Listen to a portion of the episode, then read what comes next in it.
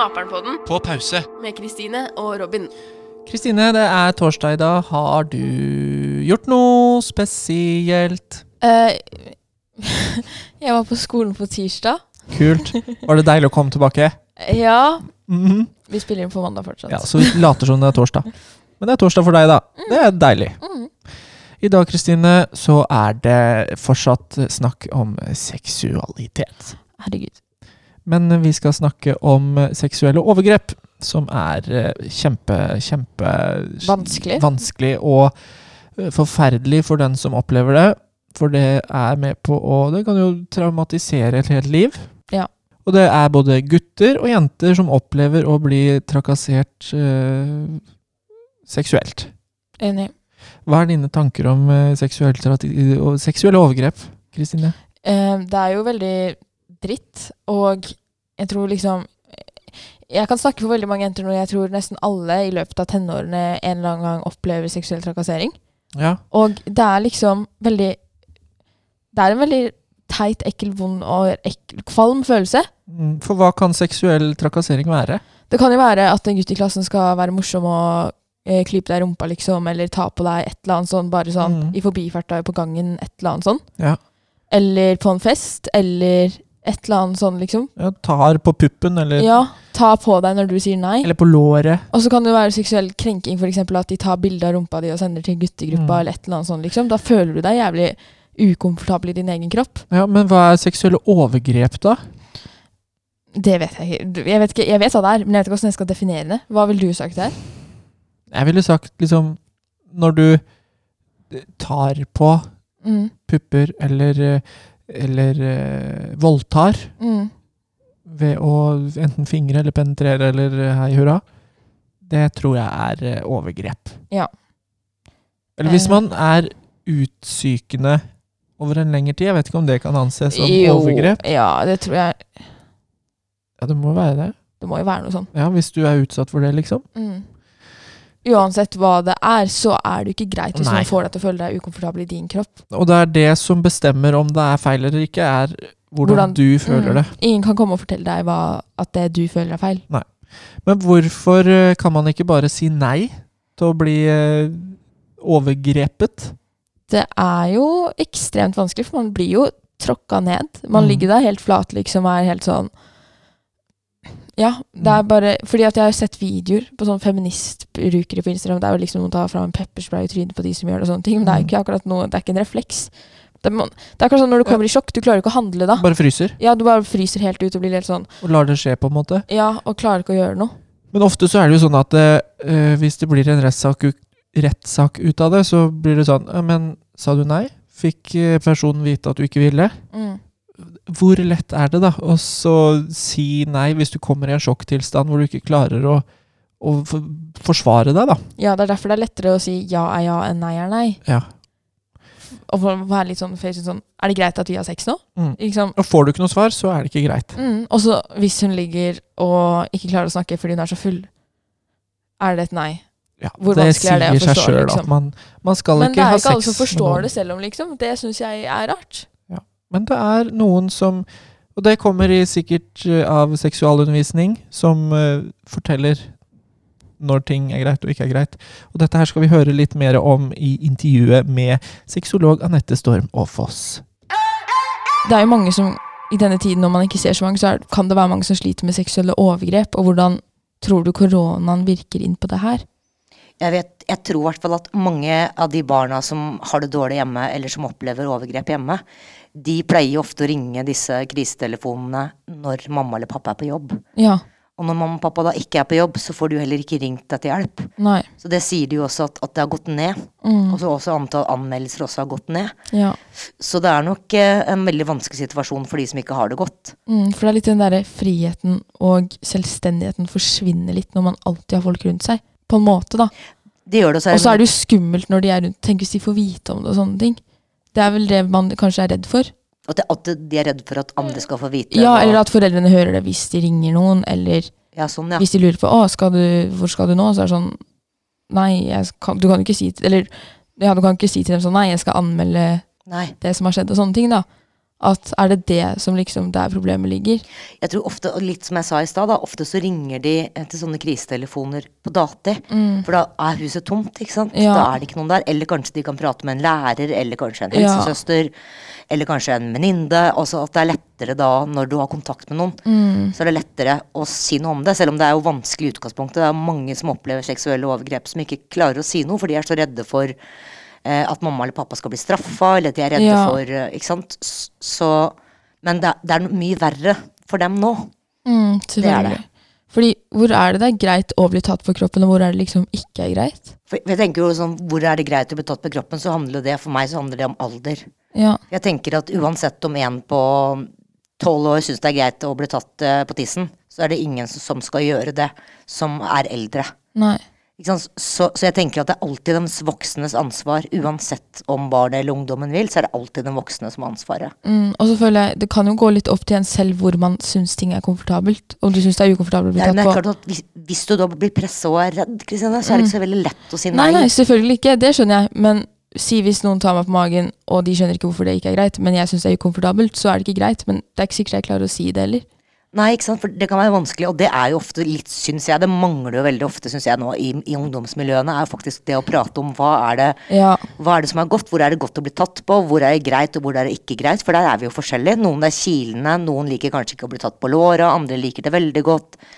Så da er det jo kanskje noe med å være litt sensitiv når, når du kjenner etter også, da, og se om den andre personen liker det. Ja, og så er det jo liksom, uavhengig av korona, vanskelig å stå opp mot seksuell trakassering der og da. Du blir jo tråkka på tærne, liksom. Du står jo der helt sånn sårbar, da. Det er, det er en vanskelig situasjon å liksom være sånn Hallo, det der er ikke greit. Det Nei, og, så er det, det, og det er vanskelig å si fra. Kanskje ikke man tenker på det før etterpå. Mm, ikke sant? At ja. jøss, hvorfor gjorde jeg egentlig det? Hvorfor lå jeg egentlig med han eller henne? Eller hvorfor jo, gikk jeg så langt? Det her var jo egentlig ikke greit. Hvorfor sa jeg ikke fra? mm, det, det er jo noe av det vanskeligste, er jo faktisk å si fra. Ja, det er det.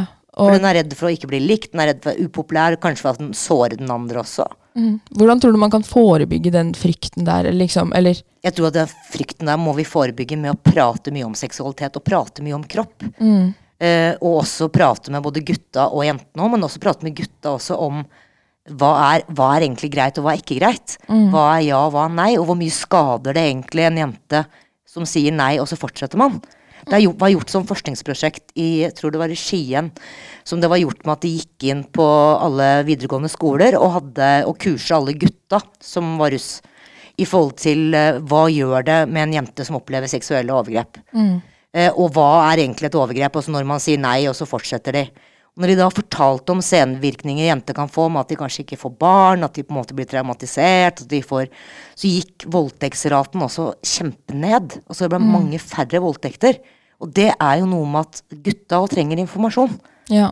Gutta trenger informasjon, og jentene trenger mer å lære om sin egen kropp. Og at uh, alle kropper er forskjellige, og vi liker forskjellige ting. Mm, I forhold til hvor vi blir berørt, eller i forhold til Seksualitet handler jo om også lukt, det handler om hørsel, det handler om det taktile, altså hvor man liker å bli tatt. Det handler om så mye, da. ja. Så det er jo egentlig å, å, bli, å måte bli litt kjent med seg sjøl og kjent med den andre. Mm.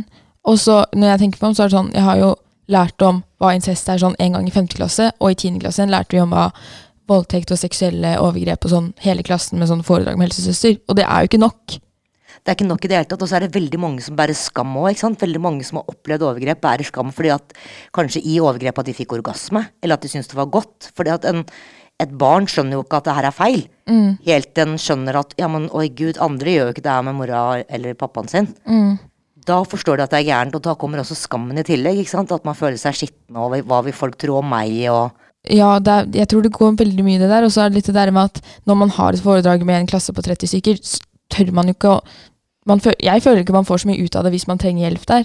Man Nei. får jo ikke til å liksom gå til helsesøster når alle har gått, fordi man er redd for at noen ser at du står der, og så begynner de å tenke, eller når det er sånn Er det noen spørsmål foran alle? Man tør jo veldig Ja, ofte det er i hvert fall ikke der man sier at man har opplevd overgrep. Nei, det som er viktig i sånne settinger, er å gi, gi ut telefonnummer og Mm. Eller også kanskje at andre får høre åssen de skal møtes. Hvis du har en venninne eller en kamerat som kommer og forteller hvordan burde du som venn da møte det for å hjelpe den videre, da. Ja. For jeg tror nok ofte at det kanskje er venner som også får, får høre det.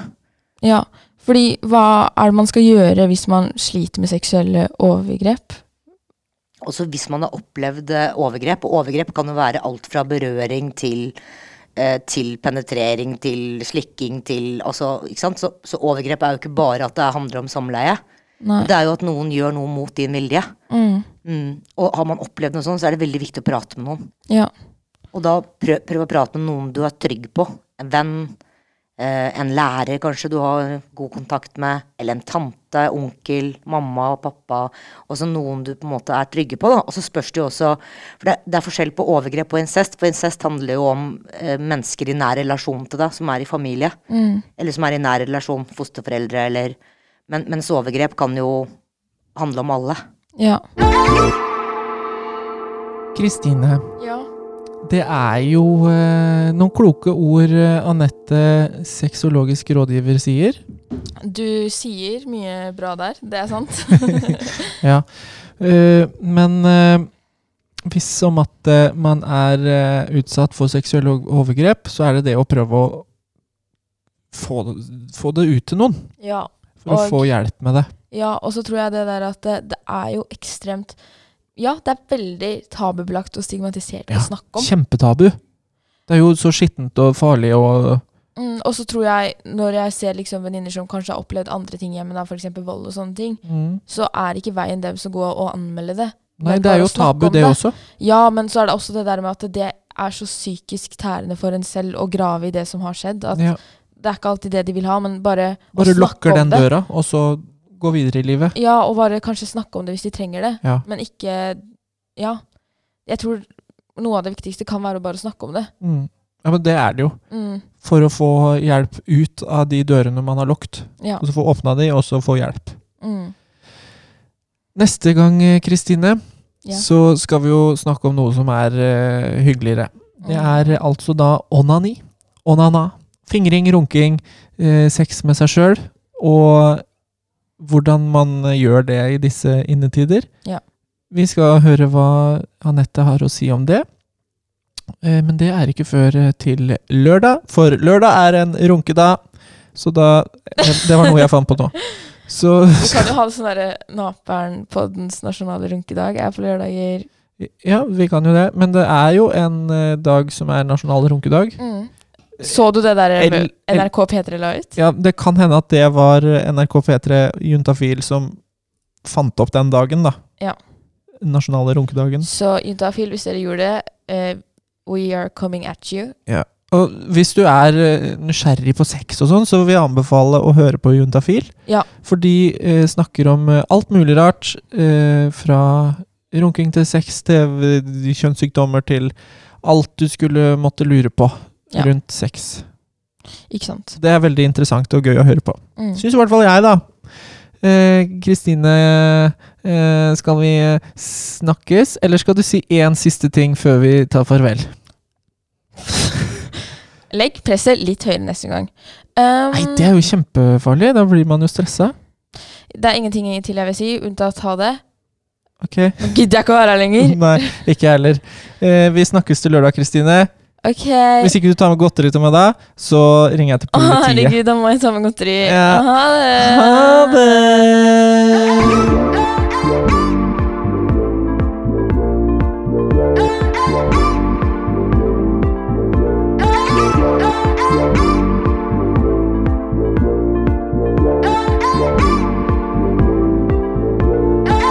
Du har hørt på Naperen-podden På pause. med Kristine og Robin.